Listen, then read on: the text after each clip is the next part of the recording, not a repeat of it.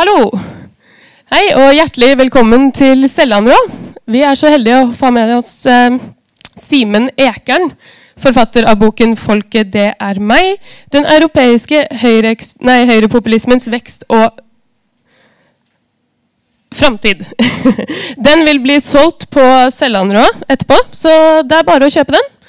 Eh, og den vil også bli signert. Så gi en varm applaus for Simen Ekern.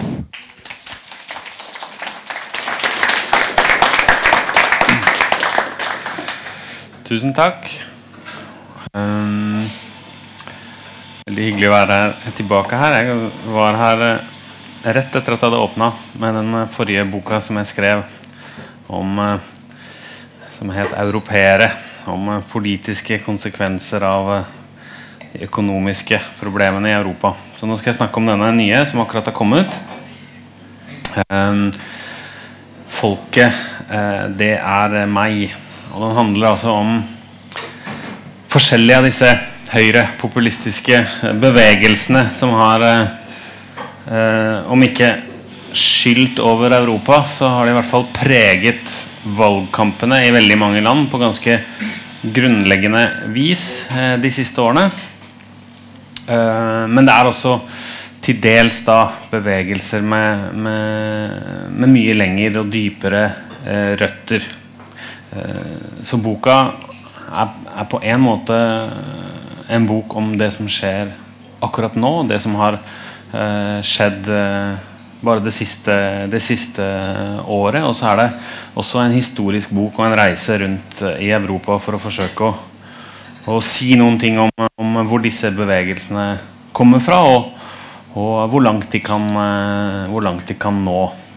Men startpunktet var egentlig Eller det var liksom to to hendelser som gjorde at jeg tenkte at jeg måtte skrive denne boka på den måten eh, som jeg har gjort. Og den ene det var for flere år siden på en, en, eh, etter en pressekonferanse i Roma, hvor jeg bor, hvor Matteo Salvini, eh, lederen for dette partiet Lega Nord, eh, som opprinnelig eh, handlet om at Nord-Italia skulle løsrive seg fra resten av landet og bli kvitt de slappe slendrian søritalienerne som ikke er gode for noen ting, ifølge eh, Lega Nord.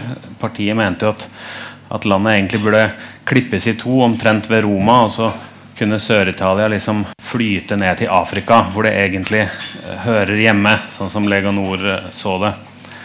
Um, men så skjedde det et eller annet uh, med med retorikken til dette partiet. Uh, for det første så, så sleit de veldig med, eh, med meningsmålingstallene. fordi det andre hovedpunktet de hadde hatt, i tillegg til å løsrive seg fra disse eh, sluskete og korrupte søritalienerne, det var at partiet ble involvert i en veldig stor korrup korrupsjonsskandale. Så de som skulle liksom redde, redde Italia ved å være redelige, de Eh, var eh, korrupte selv.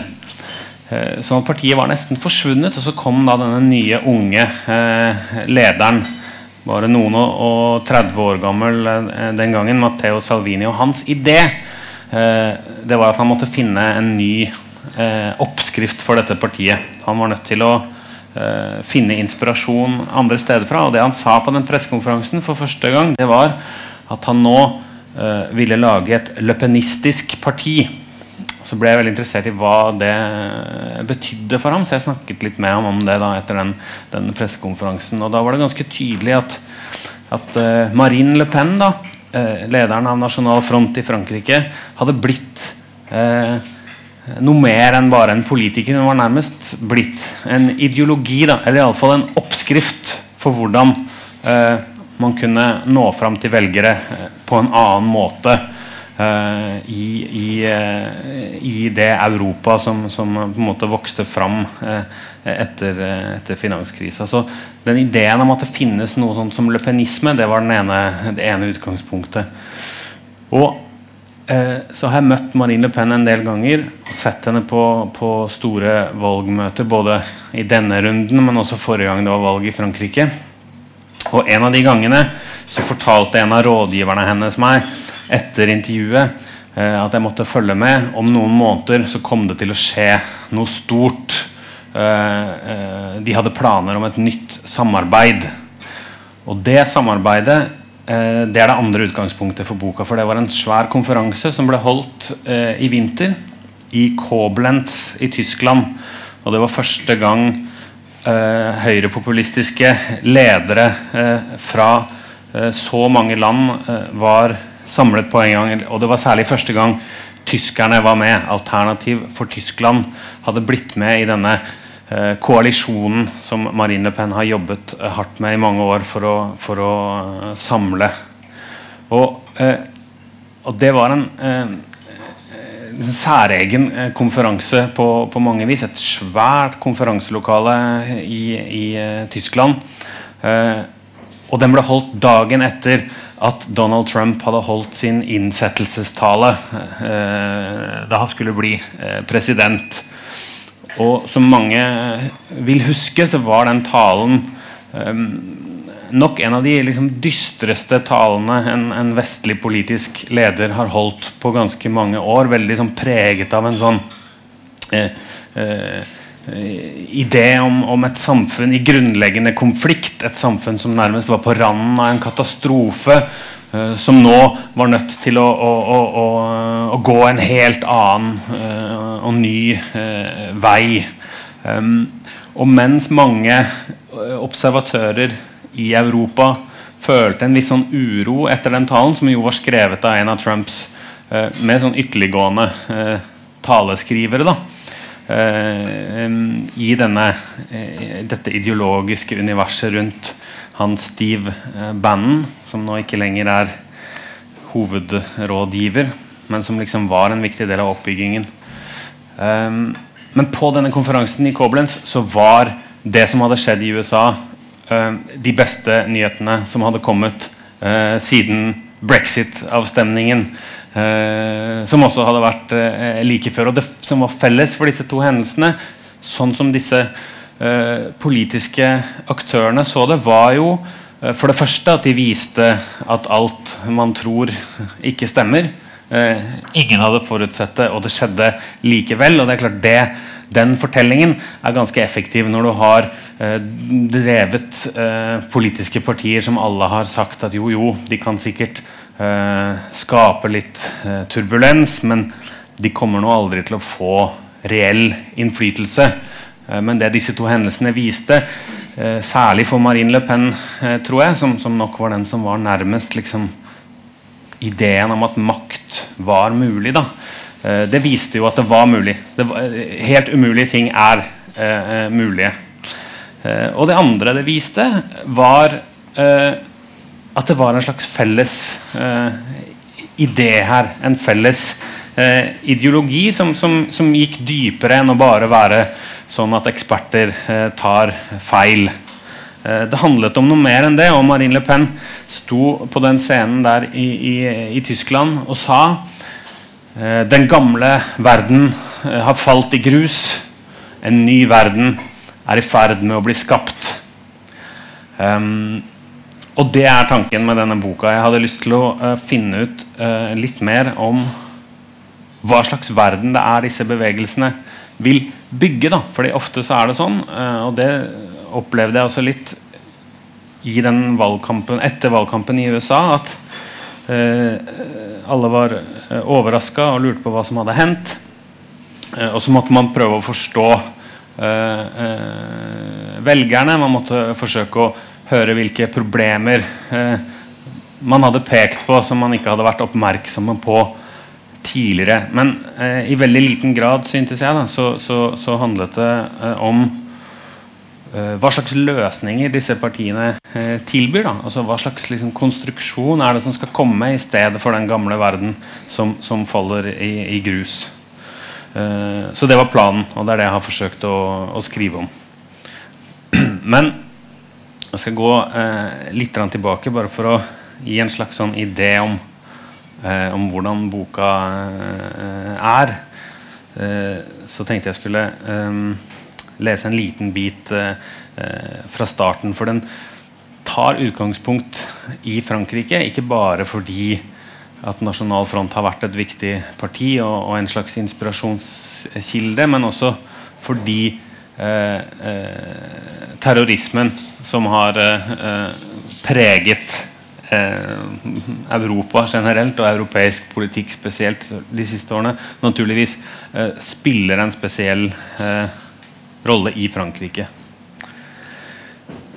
Så det begynner sånn som det her. Det er oktober i Paris. Morgenene har vært kalde en stund allerede, men litt utpå dagen tar sola såpass grundig tak at de fire soldatene som patruljerer med automatvåpen på plassen foran Louvre-museets glasspyramide, har brettet opp ermene.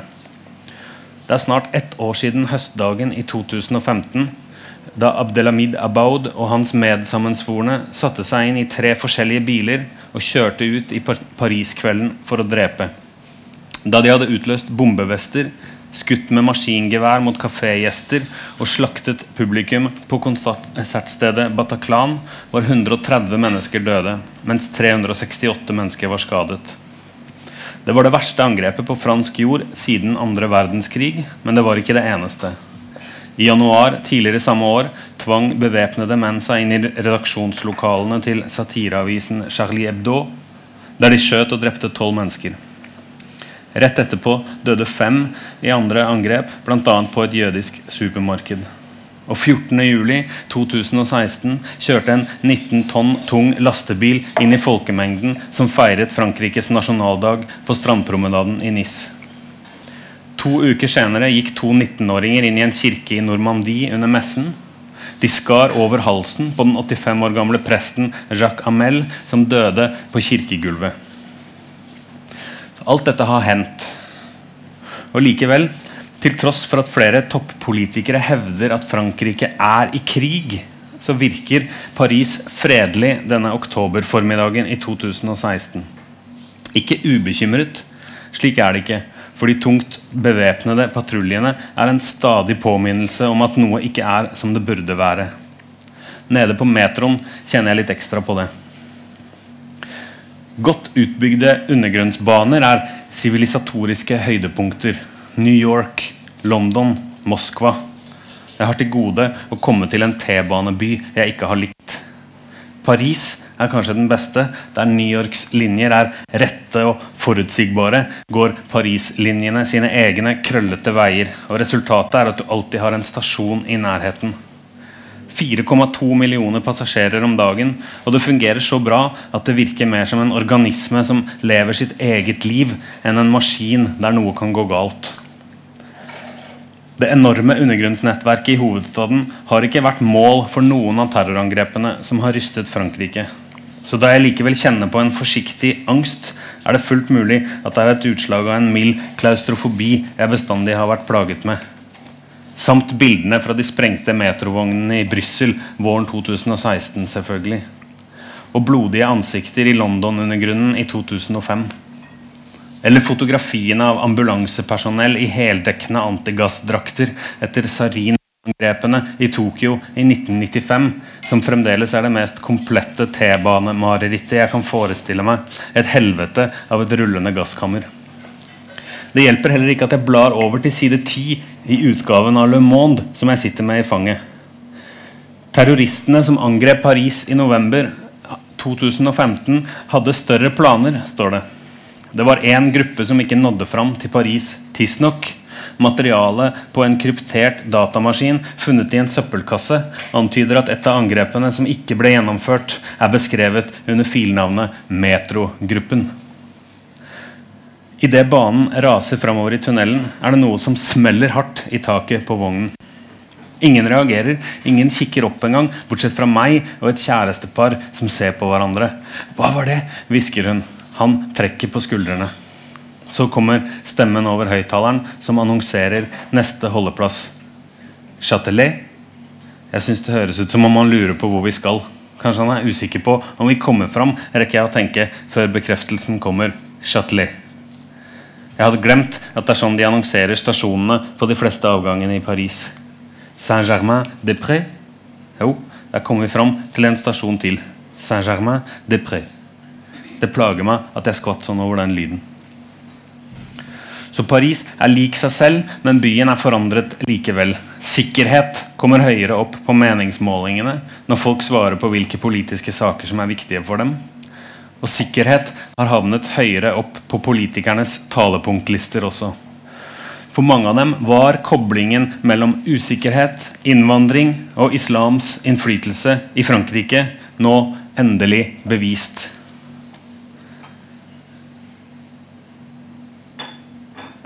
Den sittende regjeringens ansvar for det som har hendt, var ikke lenger til å komme unna, ble det hevdet.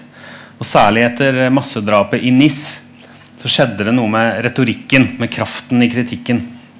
For mens opposisjonen var forholdsvis forsiktig i fordømmelsen av regjeringens innsats etter Charlie Hebdo og Bataclan-terroren, så krevde eh, opposisjonspolitikere innenriksministerens avgang etter NIS. Så Hvis terrorangrepene hadde endret fransk politikk, så var det ikke vanskelig å se hvilket parti som hadde mest å vinne på den nye redselen og den grunnleggende usikkerheten fulgte, mente man. Mange som tidligere nølte med å stemme Nasjonal Front, vil gjøre det nå, uttalte en kjent forsker i Paris umiddelbart etter angrepet i Nis. Og lederen av partiet, Marine Le Pen, hun krevde handling. Det er på tide nå å erklære krig mot den fundamentalistiske islamismen. Virkelig krig, ikke ordkrig, sa Marine Le Pen. Og mens venstresiden var usikre på hva de skulle gjøre, så fantes det krefter på høyresiden som mente løsningen var å svare med de samme argumentene som Nasjonal Front. Etablerte medier som Le Monde forsøkte å advare. Mens høyresiden løper i hælene på et nasjonal front som kommer med uansvarlige, magiske løsningsforslag og tilbyr demagogiens mirakler, risikerer den etablerte høyresiden å ende opp med å gå lenger enn Nasjonal Front het det i, i, en artikkel like etter at traileren hadde kjørt inn i folkemengden i NIS. Men hva betydde det å gå lenger enn Nasjonal Front i det politiske klimaet som rådet nå? Og hva slags parti var Nasjonal Front blitt snart et halvt århundre etter at det ble stiftet? Og hvorfor ble det i stadig større grad sett på som en idealmodell for politiske søsterbevegelser i andre europeiske land? Et eksempel til etterfølgelse?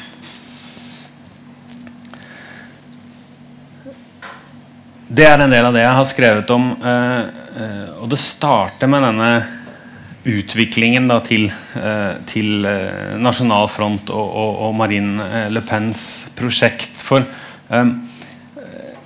da hun tok over partiet i 2011, så ble det ganske raskt klart at hun hadde en plan om å gjøre noe helt annet enn det partiet hadde vært tidligere. Altså Faren, Jean-Marie Le Pen, stiftet dette partiet på av, eh, helt på slutten av 60-tallet, begynnelsen av, eh, av 70-tallet. Eh, og det var et parti som hadde ganske tydelige eh, røtter til forskjellige eh, rent nyfascistiske bevegelser i Europa. Partilogoen Eh, eh, en flamme i Frankrikes farger var en, eh, en, en nøyaktig kopi av det italienske nyfascistiske partiets logo. Og, og, og, de to partiene hadde også tette bånd i form av personlig kontakt og inspirasjon.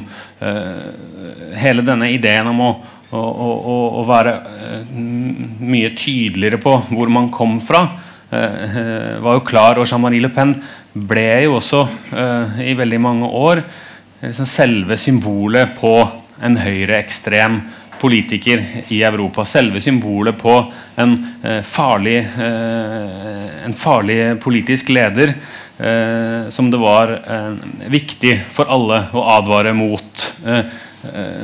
det var nærmest sånn, mener Marine Le Pen, som hun fortalte når jeg snakket med henne, at for andre partier som kanskje på mange måter representerte mye av de samme politiske strømningene, så var det nok å si eh, at nei, vi er jo ikke akkurat som eh, Jean-Marie Le Pen. da.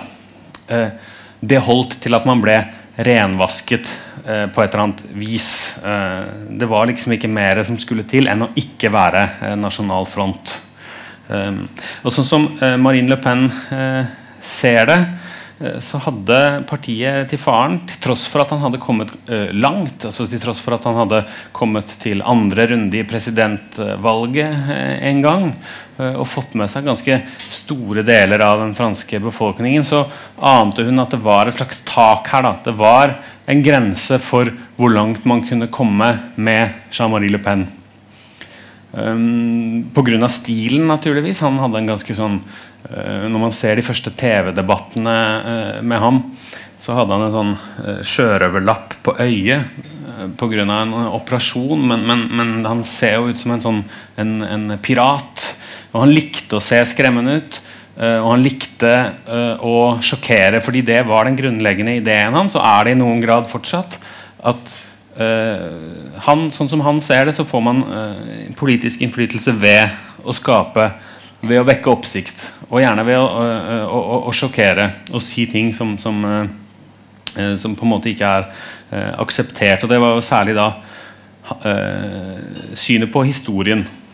altså hans berømte uttalelser om at holocaust var en detalj i historien om andre verdenskrig har liksom vært med partiet hele veien og blitt selve som symbolet på hvorfor uh, dette er et parti som, som, uh, som, de andre partiene ikke kan uh, samarbeide med. Så den strategien som, som hun innfører, av, er noe som hun selv kaller for avdjevling, avdemonisering. Du må på en måte ta vekk djevelen fra partiet. Dels ved å ta vekk det djevelske, altså ta klar avstand fra disse holocaust-uttalelsene f.eks. Men også da etter hvert å ta avstand fra eh, djevelen selv. Eh, og det er jo det som skjedde da før dette valget eh, i år, at, at, eh, at datteren ekskluderer eh, sin far. Eh, så det er en liksom annen sånn rød eller mørkeblå tråd som går gjennom boka. Den liksom episke kampen mellom, mellom, far og datter. som, som Eh, som jo nærmest er et sånn Shakespeare-skuespill eh, i seg selv. Jeg var på en sånn eh, en av de rettssakene hvor, hvor, hvor Jean-Marie Le Pen eh, forsøker å, eh, forsøkte å saksøke partiet som hadde ekskludert ham. Han mente det ikke var det kunne ikke være lov, for han var jo ærespresident. Eh, og det da å sitte og se en mann som har skapt sitt eget høyreekstreme parti for å fremme høyreekstreme standpunkter. Han satt da i retten og ble anklaget av sitt eget parti for å fremme høyreekstreme standpunkter. Det er en fullstendig absurd uh, forestilling uh, uh, som, som, som, så ut som en sånn en sånn TV-rettssak, nærmest. Fordi alle replikkene virket så, så kunstige og, og, og, rare. liksom At advokaten til Nasjonal Front sier men du har jo hevdet disse tingene. Så sitter han og ler og sier ja, det har jeg gjort. Og det er derfor jeg lagde dette partiet, og det vet dere veldig godt. For det er det dette partiet har vært nå i, i 40 år, liksom. Um, og den kampen pågår jo fortsatt. In, eh, da, da, Marine Le Pen ikke ble president, så, så, var faren blant de raskest ute med å uh, liksom kose seg i pressen og fortelle hva var det jeg sa. Uh, min dumme datter hun har ikke skjønt at folk ikke vil ha et kjedelig nasjonalfront. Et kjedelig nasjonalfront er det ingen som er interessert i. Um, men det er nok ikke sikkert at han har rett. for, for liksom Den Strategien til Le Pen handlet jo også om å endre partiet. Bl.a. å endre den økonomiske politikken eh, fullstendig. Der faren var opptatt av å, være, eh, av å ha vært tidligere ute enn både Reagan og Margaret Thatcher eh, i å utvikle en liberalistisk politikk. sånn som han eh, liker å si det, så, så, startet Marine Le Pen med eh, å sitere eh, Marx i sitt første Eh, partiprogram og en mengde økonomer fra den eh, antiglobaliserings-venstresiden. Og la om hele profilen for å uh, skaffe velgere, særlig i Nord-Frankrike, hvor, hvor uh, mye av industrien har forsvunnet. og og sånn som Le Pens analyse var, at det er mange velgere som føler at ikke venstresiden eh, lytter til dem. Så det er vel den andre biten av den eh, strategien, og også en del av det som en mann som Salvini i Italia eksempel, var interessert i eh, å se. Da. Eh, og denne eh, endringen førte også til at dette samarbeidet med andre europeiske land ble mulig. For, for det var jo også en del av dette bildet. For Marine Le Pen hadde i flere år forsøkt å få i stand noen sånne felles europeiske koalisjoner. Eh, Eh, i EU-parlamentet. Altså en slags sånn felles koalisjon for å ødelegge eh, det felles europeiske samarbeidet. For, for eh, det å være mot EU, eller monsteret i Brussel, som Marine Le Pen kaller det, det var den ene av liksom, hovedpilarene i dette nye prosjektet. Den andre var naturligvis eh, motstand mot eh, islam, eller iallfall islams innflytelse i Eh, Europa. Men samarbeidet var vanskelig fordi eh, Bl.a. fordi faren satte eh, en del begrensninger på det samarbeidet. Det var ikke hensiktsmessig for en del andre europeiske partier å bli sett sammen med ham. og det gjelder alle disse her. altså Selv Gert Wilders, som jo i Nederland, som er på forsiden av boka her og tar selfie sammen med Marin. Um, han eh, som kanskje i, i, retorikken i dag er den som går lengst i å være kompromissløs og, og sjokkerende. Eh, det er ikke så mange år siden eh, at han var nødt til å be eh, liksom administrasjonen i EU-parlamentet om å endre sitteplassene eh, i, i, i, parlamentssalen. For han hadde blitt plassert bak Jean-Marie Le Pen. Eh, og han sa at hvis, jeg, hvis det blir tatt bilder fra salen som kommer i nederlandsk presse, der man kan sette meg ved siden av Jean-Marie Le Pen, så har jeg tapt alt. Så man kunne ikke engang bli sett ved siden av han. Uh, men det, hadde, det, endret seg fullstendig nå uh, når uh, datteren kom på laget. Og det var altså da utgangspunktet, den prosessen som, som, på en måte kulminerte med denne store konferansen i, i, i Tyskland. dette felles, felles prosjektet i, i EU-parlamentet som, som, kanskje ikke virker så viktig på en måte. at man har en sånn partigruppe. Men det er veldig viktig både fordi man får eh, en hel masse økonomisk eh, støtte hvis man har etablert en gruppe som har tilstrekkelig med representanter fra et tilstrekkelig stort antall land. Og så var det altså denne ideen også om at ved å ha en sånn gruppe så kunne man i mye større grad og med mye større troverdighet stå på en sånn scene og si eh, at vi er det samme overalt. Dette er en ny type politikk som de andre ikke har sett, men som folket vil ha, og som kommer til å overta alle eh, landene. Eh, og eh, det har jo vært sånn i, i, en del år at det etablerte politiske livet har eh, slitt fælt med å, å, å, å skjønne dette. Og det, ikke, det, det, har jo pågått eh, lenger enn en, en siden i vinter, naturligvis. I, i, i 2010 så fikk eh, presidenten for Det europeiske rådet, van Rompuy, han som var her i Norge og mottok fredsprisen da EU fikk den, eh, han ble spurt om hvilke av farene Europa står overfor som er den største. Og han svarte populisme. Og Den gangen så vakte det ganske mye oppsikt, for det var mye annet som virket mer presserende. Bl.a. Eh, liksom, at økonomien var på vei eh, ned i et eh, svart eh, hull. Eh, og det var ganske andre utfordringer enn en del av de andre politikerne mente man måtte hanskes med. Men eh, syv år senere da, så, så var det blitt en, en, en, åpenbar sannhet for politikere i mange land. For det eh, har jo dukket opp nye protestpartier.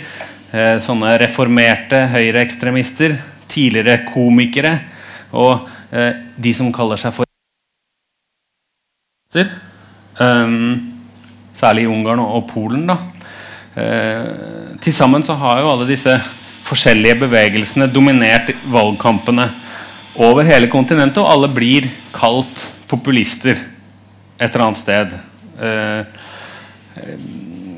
og det er jo både bevegelser, hvis man liksom ser stort på det, hvem som blir får denne merkelappen, så er det jo bevegelse både til venstre og, og til høyre. Liksom Podemos i Spania og Syriza i Hellas. Og så er det alle de som jeg har skrevet om, eh, til høyre. Og så er det eh, disse med, med, komikeren da, Beppe Grillo og femstjernersbevegelsen i Italia som også er et ekstremt interessant eh, fenomen som kommer til å uh, dukke opp igjen i alle medier nå fram mot våren når det er valg uh, i Italia. For partiet er fortsatt landets største parti, uten at noen riktig vet hvem de har lyst til å samarbeide med, og, og hvordan de har tenkt å endre, endre landet. Men, men, men, de er liksom fortsatt en, en åpenbar driver av den politiske debatten i Italia.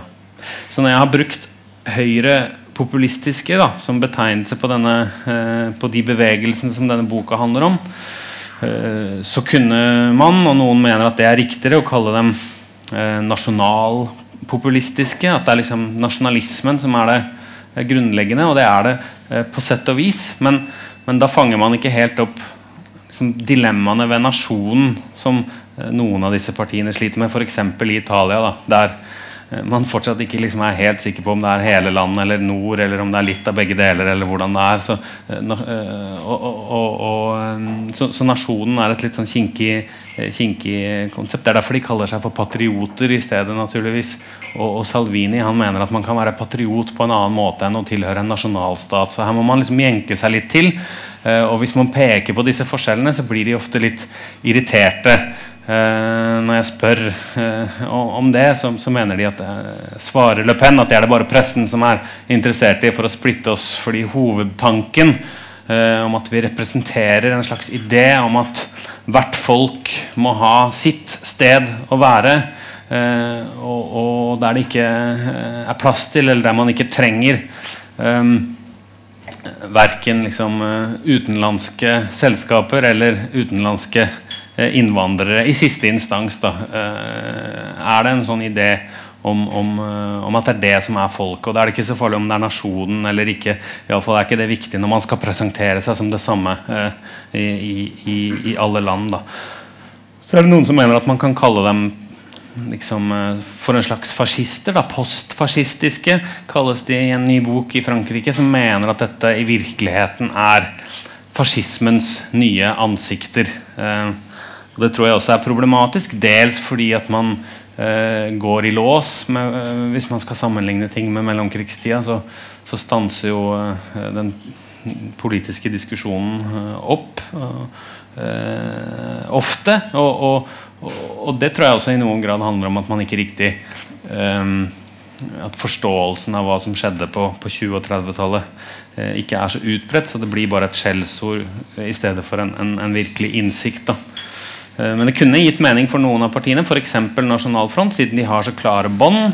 Men samtidig så er det nok ikke helt sånn, tror jeg, da, at det er det viktigste eller det mest interessante med disse partiene at det finnes sånne uh, uh, forbindelser tilbake i tid. Fordi da blir man liksom så opptatt av å peke på paralleller til noe som, som liksom er den rene ondskap.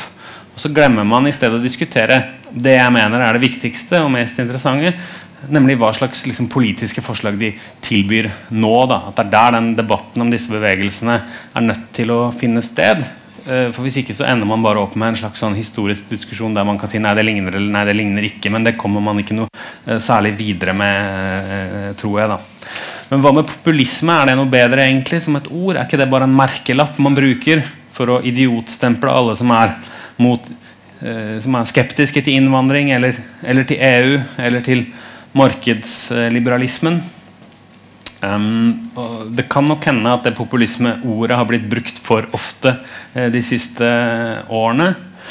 Uh, jeg er ikke så veldig glad i å bruke det uh, ordet som, som fellestrekk på, på, de bevegelsene på høyre- og på venstresiden, f.eks. For, eksempel, for jeg tror det liksom forkludrer en del av de grunnleggende tingene som skiller de som jeg har skrevet om, uh, fra, fra, andre partier.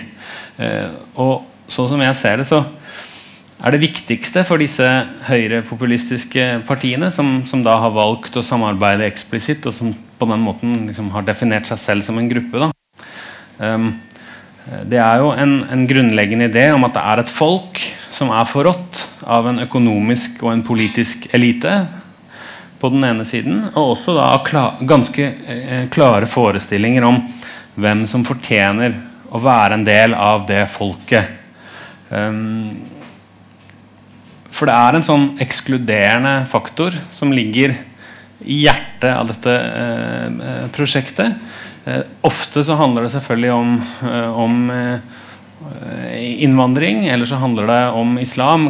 Gert Wilders i Nederland er jo den som har gått lengst der i årets valgkamp. så så snakket ikke partiet eh, lenger om å stoppe islamismen, som de gjorde forrige gang det var valg i Nederland. Nå hadde alle de store valgplakatene bare slagordet eh, eh 'stans islam'. Eh, og det er klart Hvis man eh, velger å, å, utdefinere en hel religion fra folket, så så har man noen eh, grunnleggende demokratiske, demokratiske utfordringer da, som, som, eh, som, jeg tenker ligger litt i denne ideen om, om, om, hvem som er folk. Og så ser vi jo andre steder også at det kan handle uh, om andre ting. I Ungarn har det jo nærmest blitt sånn at, at opposisjonen heller ikke er en del av folket. I alle fall Hvis man leser Viktor Orbans taler, så får man inntrykk av at en ungarer som ikke stemmer på regjeringspartiet, har noe upatriotisk over seg. Da. Noe som eh, kan brukes av, av, av, ytre fiender for nasjonen. Um, og ikke minst så er jo disse lederne da sikre på at de selv er det egentlige folkets eneste legitime eh, uh, talerør. Og det er jo et argument som, eh, som har mye for seg, nettopp fordi det er mange rundt omkring som føler at de etablerte politikerne ikke uh, har hørt på dem. Eller at det er eh, et kjennetegn ved politikken sånn som den fungerer i dag. At, at det er en hel rekke bekymringer som, som, som de som tar beslutninger, ikke forholder seg til. Da.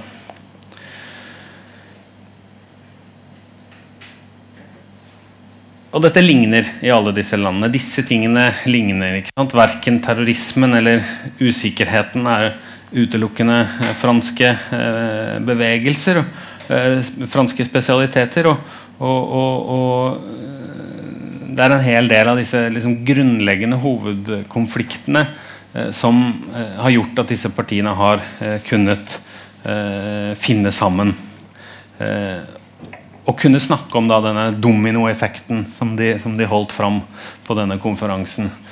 Altså Ideen om at hvert europeisk land nå kommer til å, til å falle, og, og, og at um, høyrepopulismen kommer til å, uh, kom til å, å, å, ta over. Og, og Foreløpig har det jo ikke gått helt sånn som de så for seg. da På en av de pressekonferansene der jeg var, så lurte jeg egentlig litt på i hvor stor grad de, de, trodde på det selv. Men det er klart ideen om dette var så kraftig, og ideen om å være noe som skulle ta over, var effektiv. Um, uh, og det stemmer det at ikke Marine Le Pen ble president i Frankrike, og det stemmer at ikke Wilders leder det største partiet i Nederland. Men der jeg tror at, at, uh, at liksom frykten for at disse skulle eller den ideen om at dette skulle virkelig liksom, at de skulle vinne i land etter land, var naturligvis hele tiden overdrevet. Eh, så tror jeg også at lettelsen som, som kom til uttrykk i mange eh, kommentarer, ikke minst fra eh, EU-politikere etterpå, eh, også var eh, overdrevet. Da. At man innbiller seg nå at det har vært noen valg, eh, og at nå er dette, nå er dette over, liksom.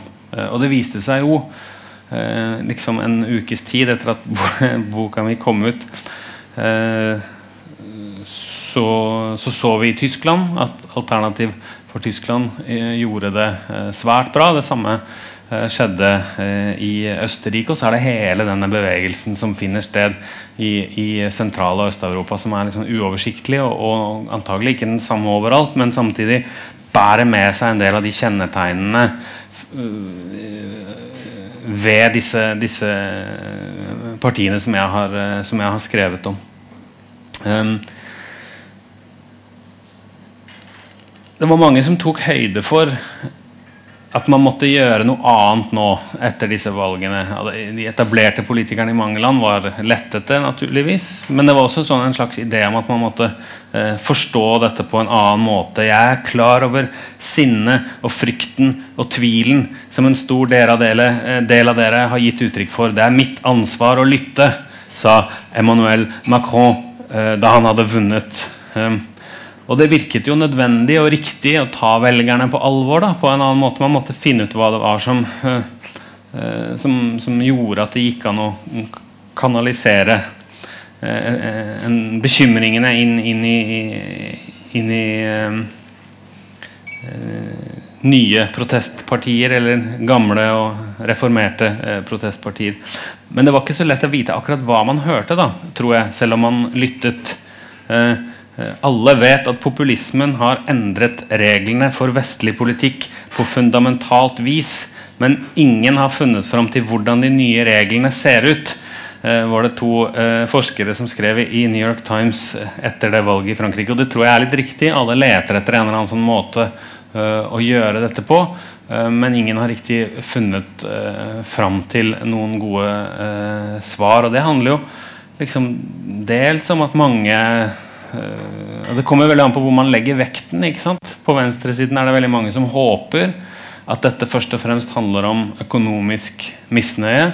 Og at man sånn sett kan svare på høyrepopulismens utfordringer ved å ha en bedre fordelingspolitikk, f.eks. For Og i Frankrike er det kanskje riktig. Iallfall i Nord-Frankrike så kan man se at, at det er økonomiske bekymringer som er driveren. Uh, I Sør-Frankrike derimot så er det jo i mye større grad de ideene om en sånn uh, kulturell uh, eller sivilisasjonskamp som, som, står i fokus. Da. Det handler i mye større grad om innvandring og om islam og om en sånn kulturell usikkerhet.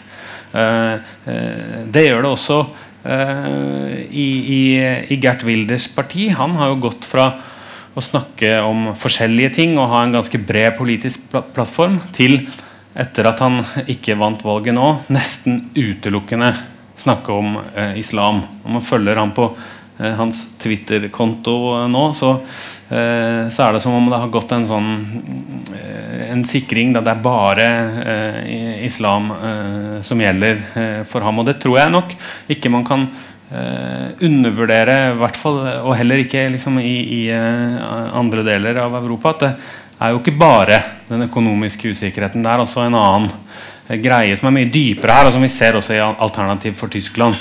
Ehm, eh, da jeg møtte Frauke Petri, som, som jo inntil nylig ledet dette partiet, uh, før hun ble dratt med i en av de mange sånne personkampene som har preget det partiet i, i den ganske korte perioden partiet har, har eksistert. Det har vel vært liksom en sju-åtte runder settinger. Um, men for henne så, så dette, og Det er veldig interessant også i forhold til denne diskusjonen om, om, om far og datter Le Pen. Da. Hva er det som er ekstremt, og hva er det som ikke er ekstremt? Hva er det man kan si, og hva er det man ikke kan si? Uh, da Frauke Petri uh, gikk av uh, som leder, så ble hun beskrevet i veldig mange europeiske aviser som den moderate kandidaten som hadde tapt kampen mot de ytterliggående kandidatene. Og på sett og vis så stemte det, fordi hun eh, var jo veldig opptatt av å kritisere disse delene av sitt parti som snakket nettopp om andre verdenskrig på en måte som eh, ikke minst i Tyskland er, er problematiske. Man hadde hatt en, en, stor debatt innad i partiet om uh, hvorvidt holocaust-monumentet i Berlin uh, er skammelig, eller om det eh, bare skulle mangle at man hadde et minnesmerke eh, i, i, midten av Berlin. Alt det som handler om annen verdenskrig, var ting som Frauke Petri ville ha bort. Helt parallelt med hvordan Marie Le Pen eh, var opptatt av å få vekk eh, de, samme, de, samme, tingene. Begge lederne vurderte det sånn. Både at disse tingene er altfor eh, liksom, alt, for bred enighet om at disse, denne måten å snakke om disse tingene på har noe, sånn, et element av, av, pur ondskap i seg. Selv om det går an å tenke at det er historiske ting som kan diskuteres, så er det ikke mulig, mente, mener de to. I tillegg så tror jeg også at de er yngre eh, politikere som ser at de velgerne som de appellerer til, jo ikke husker eh, Ikke er så opptatt av, eh, av krigen som, som, det en del av de som, som foretrakk Jean-Marie Le Pen var. Men, men da tapte altså Frauke Peter i den kampen mot en del av disse eh, kreftene eh, som knytter seg mye tettere til en sånn idé om hva, eh, hva partiet eh, eh, skulle være. Og da ble hun jo karakterisert som en moderat politiker. Men, men, når man så henne i månedene før, eh, når hun snakket f.eks. om islam, så framstår jo hun på ingen måte som en moderat politiker i den forstand at hun eh, snakker ganske eh, på ganske sånn um, dramatisk vis om en sånn uunngåelig borgerkrig eller sivilisasjonskamp der Europas befolkning er i ferd med å bli uh, byttet ut med mennesker som har en annen religion og en annen kulturell uh, bakgrunn. Uh, en ekstremt sånn dyster idé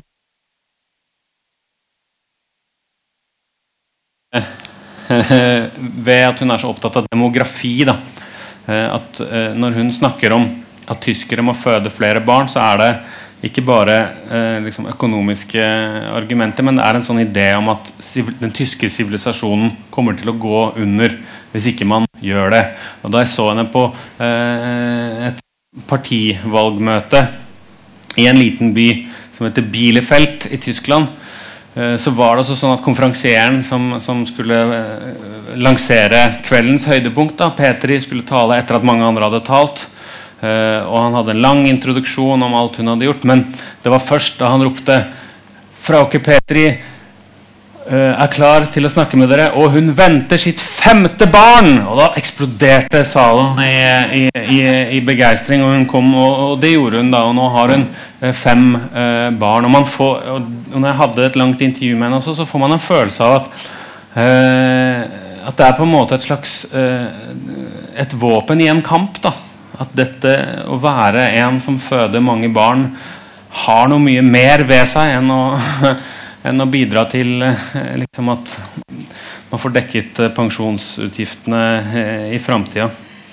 og det er klart, det kan man, det kan man forstå. Altså, alle land, vestlige land er, er bekymra for lav befolkningsvekst. Men det som kjennetegner Petri og i veldig stor grad av den bevegelsen i ytterkantene eh, av dette som kalles for den identitære bevegelsen. Eh, som alle disse partiene har et element av, men som først og fremst handler om dette. Da, en idé om at noen er i ferd med å skifte oss ut, og de gjør det med vilje. Eh, liksom. Um, det er jo da den ideen om en sånn endelig, endelig krig som, som, som på en måte former politikken. Og i sin ytterste konsekvens så er det sånn som italienske eh, nyfascister opererer veldig sånn eksplisitt ved å dyrke et sinne eh, eh, som handler om dette. Da. På plakater i Roma, hvor jeg bor nå, så er det en av Europas mest sånn ivrige eh, høyreekstreme bevegelser. altså Mye, mer, mye lenger unna liksom, sentrum i politikken enn noen av de som jeg skriver om. Eh, men deres slagord er 'det er ditt sinne som skal forandre verden'.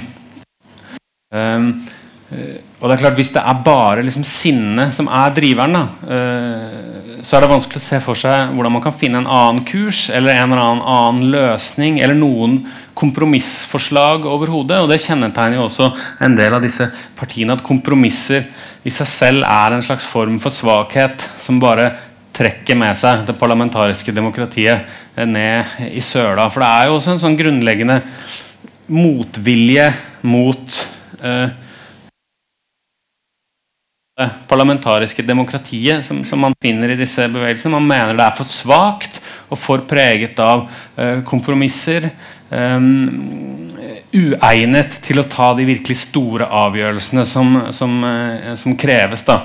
Og Det tror jeg også er et sånt kjennetegn ved både disse partiene, men også det vi ser i Ungarn og Polen nå også. Altså en tanke om at det liberale demokratiet er for pjuskete.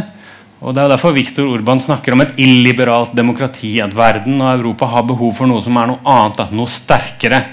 Um, og helst da en idé om at folkedypet kan snakke direkte til lederne sine på en annen, uh, annen måte uten å bli forvirret og forvrengt av uh, det som kommer imellom. Enten det er pressen, eller det er rettsvesenet, eller det er alle liksom, kontrollinstansene som man er vant til å tenke på som avgjørende for demokratiet, sånn som vi har det, da, maktfordelingsideer, liksom, er hele tiden grunnleggende utfordret av disse partiene. Uh, Le Pen også snakker om det. At eh, kan Høyesterett ha rett hvis de er uenige med folket? spør hun retorisk i, i, i intervjuet som jeg snakket med. Og så er jo da eh, poenget tror jeg at ja, det kan, det kan de jo nettopp fordi at det er ikke så lett å hente opp folkets egentlige mening og si at jeg har den her. Og det ser vi tror jeg også i en del av de liksom, øh, mange folkeavstemningene som har begynt å bli en sånn øh, en slags øh, automatisk sånn kur for alle problemer. At man tenker ok, det virker som at folk har en slags mistillit til systemet. Vi kjører det ut på folkeavstemning. Men problemet med det i mange tilfeller er jo at man bare får et ja eller et nei, og at en del øh, av den polariseringen som disse partiene lever av, blir dyrket og øker i kraft da, ut fra disse folkeavstemningene. I tillegg til at det ofte blir veldig vanskelig å vite hva det er man egentlig stemmer over. I Nederland så hadde de en folkeavstemning om hvorvidt eh, EU skal ha en handelsavtale med Ukraina. Og selv de som eh, eh, fikk gjennom kravet om den folkeavstemningen, fortalte eh, liksom ubeskjemmet i intervjuer at de ikke hadde noen som helst interesse verken av Ukraina eller av den handelsavtalen. Det var overhodet ikke poenget med avstemningen. Poenget var å vise fingeren til lederne. Eh, liksom. eh, og da har man begynt en sånn utvikling som, som, eh, som gjør at man liksom blander sammen hva som er egentlig demokratisk, og hva som eh, er eh, liksom-demokratisk, men som kan eh, i mye større grad misbrukes, tror jeg, da, som er mye skjørere i forhold til hva liksom, folk egentlig eh, trenger eh, og har lyst på. Så, så når, når man skal snakke om hva som er liksom, utfordringen eh, med disse partiene, så tror jeg det er en bit av det som ofte eh, forsvinner, og som man overser. Også hvis man tenker sånn strategi, om man skal ligne litt på dem fordi man skal ha litt strammere innvandringspolitikk f.eks. Det eh, kan være en eh, mulig vei å gå. Eh, et alternativ til den økonomiske strategien fra venstresiden som jeg nevnte. Men jeg tror det er helt avgjørende at man skjønner at disse partiene handler om mye mer, eh, mye mer enn det. Eh, og Det er også eh, derfor jeg har skrevet så mye om det tankeuniverset som de er en del av. Ganske eh, mye i boka også som handler om liksom, en mer sånn generell kulturell påvirkning. Eh, hvilke eh, liksom, forfattere som har preget diskusjonen i, i, i Frankrike.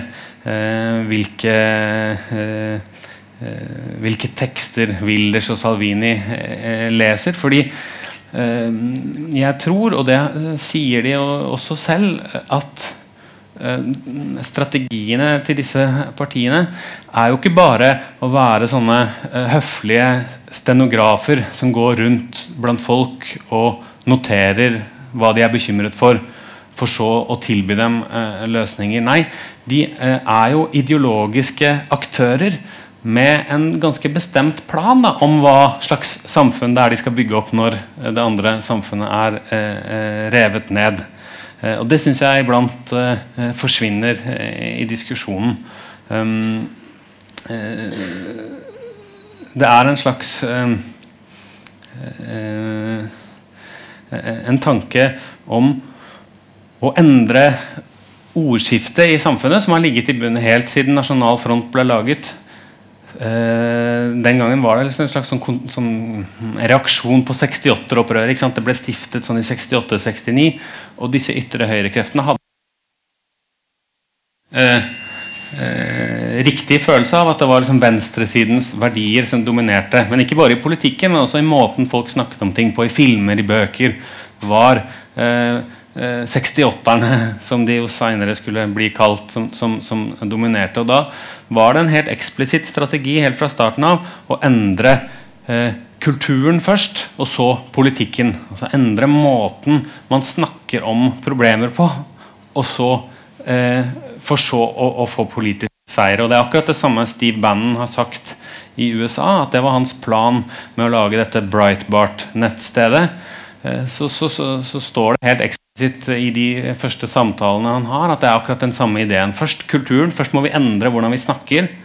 Eh, og så kan politikken endres. Og, og, i USA så kan man jo virkelig se tenker jeg da, eh, at det eh, jo har vært en ganske vellykket strategi. Både liksom, og hjulpet av sosiale medier, eh, naturligvis, men også eh, at man har en eller annen måte å, å, å, snakke om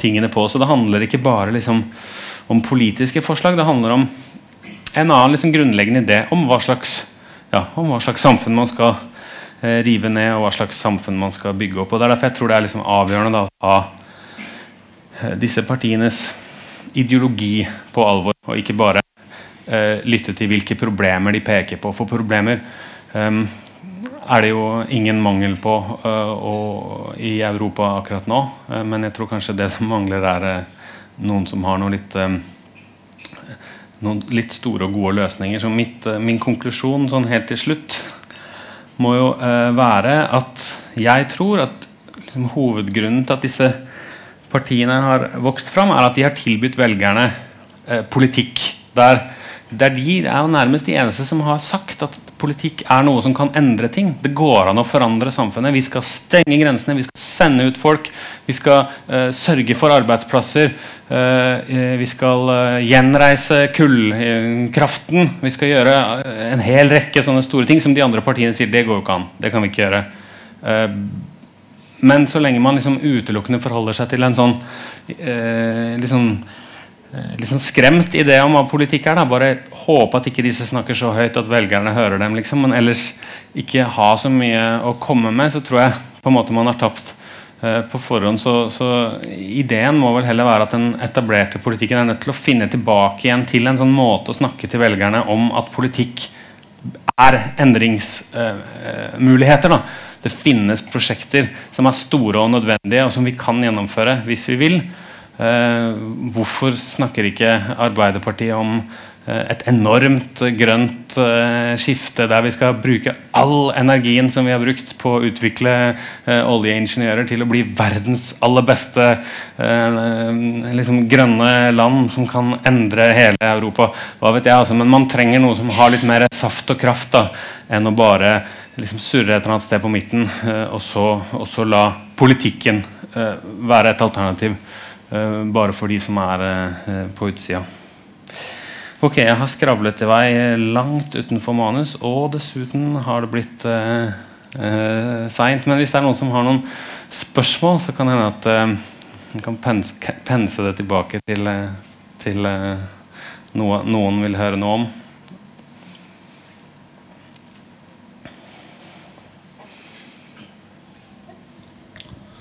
Ja, tusen takk for et uh, veldig veldig interessant uh, foredrag. Uh, tenkte å spørre om noe, fordi Du snakka ikke noe særlig om Norge her. Jeg tenker Jeg har lest litt om dette her og kjenner jo igjen veldig mye av det du beskriver her. Jeg tenker at Norge er jo virkelig outsideren i Europa her. Vi har jo egentlig ikke et ordentlig høyrepopulistisk parti i Norge. Vi har Frp, men altså Frp skiller seg og jeg synes ofte i norske medier når de skal sammenligne så trekker de liksom fram Frp og de skal sammenligne med Dansk Folkeparti og Sverigedemokraten og Front National og, og Gert Wilders i Nederland. Altså. Men Frp stikker seg egentlig ganske mye ut. Det er en ganske moderat parti sammenligna med mange av de her. Og ikke minst hvis du, man ser på den økonomiske politikken. Altså, slik jeg oppfatter det, som du også var inne på, så har jo med Marine Le Pen i spissen kanskje en del av de andre høyrepopulistiske partiene på en måte tatt til seg den eh, sentrum-venstresida måte å tenke økonomi på. At uh, markedsliberalisme det er ikke bra for folk flest. Ut med det. Vi skal ha nasjonal uh, Vi skal ha litt mer proteksjonisme og, og, på en måte den greia der. da uh, Så jeg lurte liksom på Tror du det vil fortsette å, å være sånn i Norge, eller tror du det er også potensialet for nye politiske bevegelser av den typen vi ser ute i Europa, også i Norge, da, fremover? Mm. Eller er det på en måte Eller er det på en måte Frp eh, Altså det er på en måte Deres plassering i norsk politikk så sterk da, at alt der vil bare forsvinne? Mm. Takk skal du ha. Um, nei, det, er et, eh, det, er et, bra spørsmål. Uh, og jeg har jo ikke skrevet noe om Norge i denne boka. Dels fordi at jeg Eh, har bodd ti år utafor Norge og har liksom sett det som min oppgave både i avisa der jeg jobber og i bøkene jeg har skrevet, å fortelle folk at det som skjer, er viktig. Og en gang jeg snakker Jeg har snakket litt om, om, uh, om, Norge så vidt i noen intervjuer, men med en gang jeg gjør det, i to setninger, så er det det som står uh, på, på forsiden. Uh, så det er nå den pragmatiske grunnen. til spørsmålet ditt. I den økonomiske politikken så er jo ikke Hvis man skulle sammenlignet Fremskrittspartiet med andre høyrepopulistiske partier i Europa, så skiller ikke Fremskrittspartiet seg så veldig ut. Det er egentlig Nasjonal Front som skiller seg ut. Eh, både i Østerrike, i Nederland, eh, eh, til dels i Tyskland også. Så er den økonomiske politikken mye mer tradisjonell til høyre på, på, på skalaen. Så det er ikke alle som har liksom endret den måten å snakke om økonomi på. Og så tror jeg det er helt riktig at, at Fremskrittspartiet er et annet parti. De har jo ingen interesse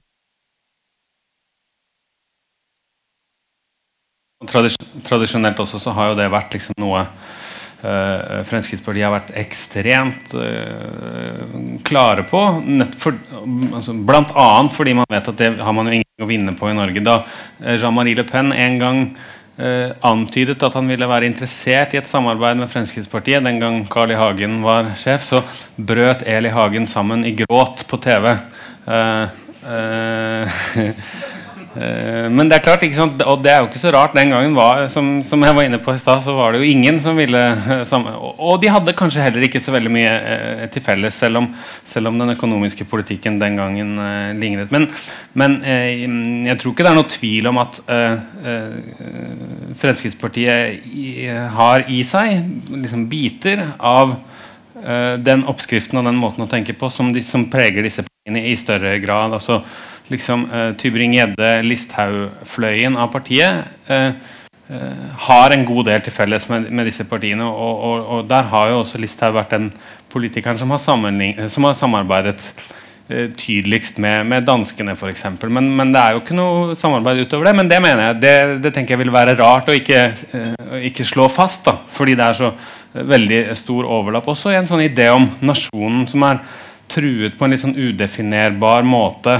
uh, av innvandring, også på områder der innvandring ikke nødvendigvis har noen ting med saken å gjøre. Da. En av de Facebook-videoene som jeg synes var mest interessante ved valget i år, som Listhaug la ut, var et besøk på gården til foreldrene, uh, hvor hun er hjemme og snakker om Norge og snakker om liksom, uh, landbruksverdier og røtter osv. Og, så så filmer kamera kyrne mens Listhaug på voiceover snakker om eh, hvor alvorlig det er at innvandrere ikke lærer seg norsk. Men det er liksom kyrne du ser, så du får en sånn følelse av at, at det først og fremst er dette som liksom truer norsk eh, distriktsutbygging. Eksempel, Men den, altså det er veldig effektivt og smart, fordi det handler også om en sånn som jeg tror jo er liksom deres, disse partienes suksess. også at Mye som appellerer på en måte til til følelsene på en annen måte. Da. Så Det er ikke eh, avgjørende at du sier at dette har en direkte sammenheng, men det er avgjørende at du har en idé om at nasjonen og fellesskapet er truet på en eller annen måte. Så det mener jeg jo, det, det fins der. Og så er Fremskrittspartiet også eh, eh, mye som er veldig annerledes. Og så eh, Og det er nok grunnen til at det, at, at det fungerer, og det er antagelig kanskje sånn også at det gjør at det blokkerer for andre mer ytterliggående eh, prosjekter. Det kan man jo tenke seg. For de som har dukket opp, har jo blitt mer sånn eh, ja, liksom pussige. da, Den nye nettavisen Resett eller han Lysglimt med sverdet. og At det blir mer sånn eh, eh, parodisk. da. Men, men, det er klart, når man skal snakke om sånn sammenligning, så må vi jo være klar over også at disse, og det og derfor jeg har skrevet denne boka og, latt disse lederne få snakke. For det er jo ikke sånn at eh, de partiene og de europeiske velgerne Eh, er liksom gærninger, eh, alle sammen. Eh, dette er jo også liksom det er jo ikke en gjeng med, med høyreekstreme partier eh, vi snakker om her. Men de har i veldig forskjellig grad forskjellige typer standpunkter som funker i ett land, men ikke i et annet.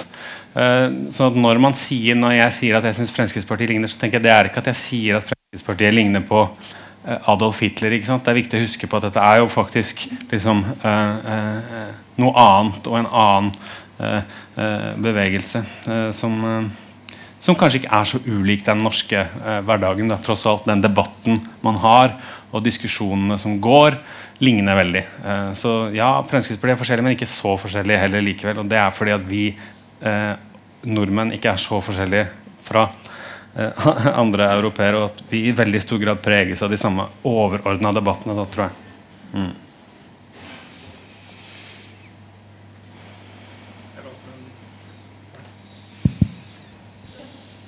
Følge opp med en liten follow-up, eller er det Ja, hvis det ikke er noen andre spørsmål. Da blir det follow-up. Så. Da blir det follow-up. Ja, fordi jeg synes det var veldig interessant at du nevnte dette her med at du har den approachen at eh, liksom, hva er det løsningen disse partiene tilbyr? For det er ofte en sånn type ting som jeg synes ofte i debatten også underkommuniserer. At det liksom blir sånn derre Og de sa det, og de sa det, og bla, bla, bla. bla Altså At man liksom prøver å løfte det litt videre. da Eh, og det du sa om også venstresiden, er også veldig interessant. i forhold til at Marlinde Le har jo aktivt prøvd å på en måte få tak i de velgerne. Og altså Det virker som også venstresiden ikke helt på en måte De tviholder hele tiden da, på liksom at det er de økonomiske forskjellene som er liksom At de har en sånn iboende frykt da, for å snakke om identitet og kultur og historie til en viss grad. At de, de vil ikke snakke om det samme søren hva som skjer. Eh, Og at måte, Det er noe de taper på. da Sånn som eh, så en måling her nå før valget i Norge at 64% av Arbeiderpartiets velgere støtter innvandrings- og asylpolitikken til Frp. Og jeg så intervjuer med et par folk som ja, jobber på fabrikk, har stemt Arbeiderpartiet hele livet, men nå var det slutt med det. liksom At liksom venstresiden ikke klarer å på en måte ta inn over seg på en måte at det har kommet en del nye utfordringer da, som de på en måte gir de samme gamle svarene på, men som de ikke de har ikke lyst til å snakke om. på en måte det her, fordi de er livredd for at hvis vi snakker om det, så på en måte er det automatisk liksom, høyrepopulistene som vinner ut på det. og så Tror du det stemmer? eller jeg tror på en måte, jeg har sett nå at Hadia Tajik for eksempel, har jo, hun nevnte jo i den debatten nå nylig på NRK at uh, for Jeg inntrykk, fikk inntrykk av at hun snakka om ting der som hun var mye tydeligere på, på, det, på den annen type politikk da, enn det jeg oppfatta både Arbeiderpartiet og resten av den norske venstresida har gjort tidligere. Tror du dette her er noe vi kommer til å se mer av, eller er det liksom bare et blaff? Jeg, jeg tror den analysen stemmer til en viss grad. Det, men, men det som er interessant med dette, det er to ting.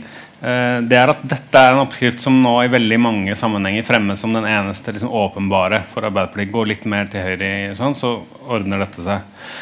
Men da er det to hovedutfordringer. Den ene, eh, som man jo aldri snakker om, eh, er eh, hva skjer pga. denne ideen som preger nå europeisk debatt i veldig stor grad. Hva skjer når vi har laget avtaler med Tyrkia og Libya om å holde flyktningene borte fra Europa? Håpe at liksom diktatorer og krigsherrer holder det de har lovet. Um, hvor, lenge eh, holder det før altså, I går var det en artikkel i libyske medier om at det er blitt et økende problem at lik flyter innover stranda i Libya uten at noen plukker dem opp. Det står det jo ingenting om i europeiske aviser. Det står jo bare noe om det når de kommer eh, på, på, eh, på stranda. Eh, dette sier jeg bare fordi at det har blitt også en sånn allment anerkjent sannhet at Merkel tok feil da hun sa vi kan klare dette. Det var farlig fordi hun ville miste stemmer. Men det er ingen som spør hva ville skjedd hvis Merkel ikke hadde sluppet opp grensen den gangen. Eh, hun var jo redd for at eh, hundretusenvis av mennesker skulle fryse i hjel på Balkan. liksom. Det var driveren. Eh, og jeg tror man av og til må spørre seg også, hva skjer den andre veien. I, i, i Weekendavisen i Danmark, som er en liksom, borgerlig konservativ avis, så, så var det en veldig interessant lederartikkel forrige uke der de spurte for de har i veldig mange år bare etterlyst nettopp venstresidens liksom, realisme i sånne spørsmål. Nå hadde de endra, og så sa de men hvor har det blitt av de liberale refleksene til høyresiden i Danmark? Og så gikk de gjennom hele listen med eh, liksom symbolpolitikk på burkaforbud, eh, måten man snakket om eh, eh, muslimer altså Avisen hadde på en måte endret den andre veien igjen og sagt ok, det er en utfordring for venstresiden å snakke om disse problemene. Men det er også en utfordring for høyresiden å huske eh, noen sånne liberale grunnleggende verdier som har preget eh, høyresiden. Da. Så dette er en utfordring for liksom, alle fløyer, tror jeg. Eh, og det er nok ikke sånn at liksom, den enkle løsningen eller den automatiske løsningen å si eh, vi kan ikke ha flere eh, flyktninger, så, så funker dette. For, fordi at det er et såpass komplekst problem som handler om eh, hele Europa og resten av verden og en del andre ting. Det er en, en siste ting. En, en, en, veldig interessant bok skrevet av en bulgarer som kom ut for, for et par uker siden. Er, han, er sånn, han, forklarer i veldig stor grad hvorfor mange østeuropeere er skeptiske til denne innvandringen. Mange gode grunner til det. Han har også sympati med det. Eh, sånn sånn. Men så sier han til slutt at den største liksom, faren ved eh, de høyreekstreme bevegelsene eller de høyrepopulistiske bevegelsene er ikke hva de sier, men hva vestlige politiske ledere ikke lenger tør å si.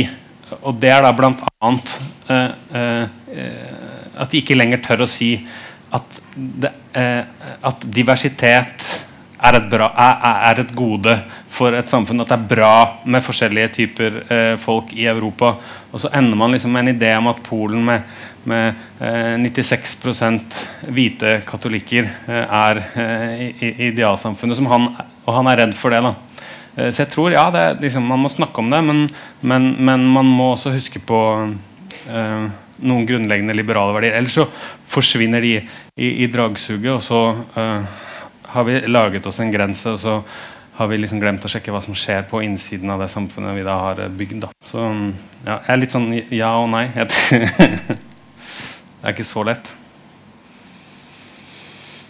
Veldig lange svar på spørsmålene dine, men det er bra, for det er ikke noen andre spørsmål. Okay. Men uh, tusen takk for at uh, så mange kom. Hvis noen vil uh, lese boka, som ikke er så dyster som det høres ut når jeg snakker om den, så går det an å gjøre det der borte.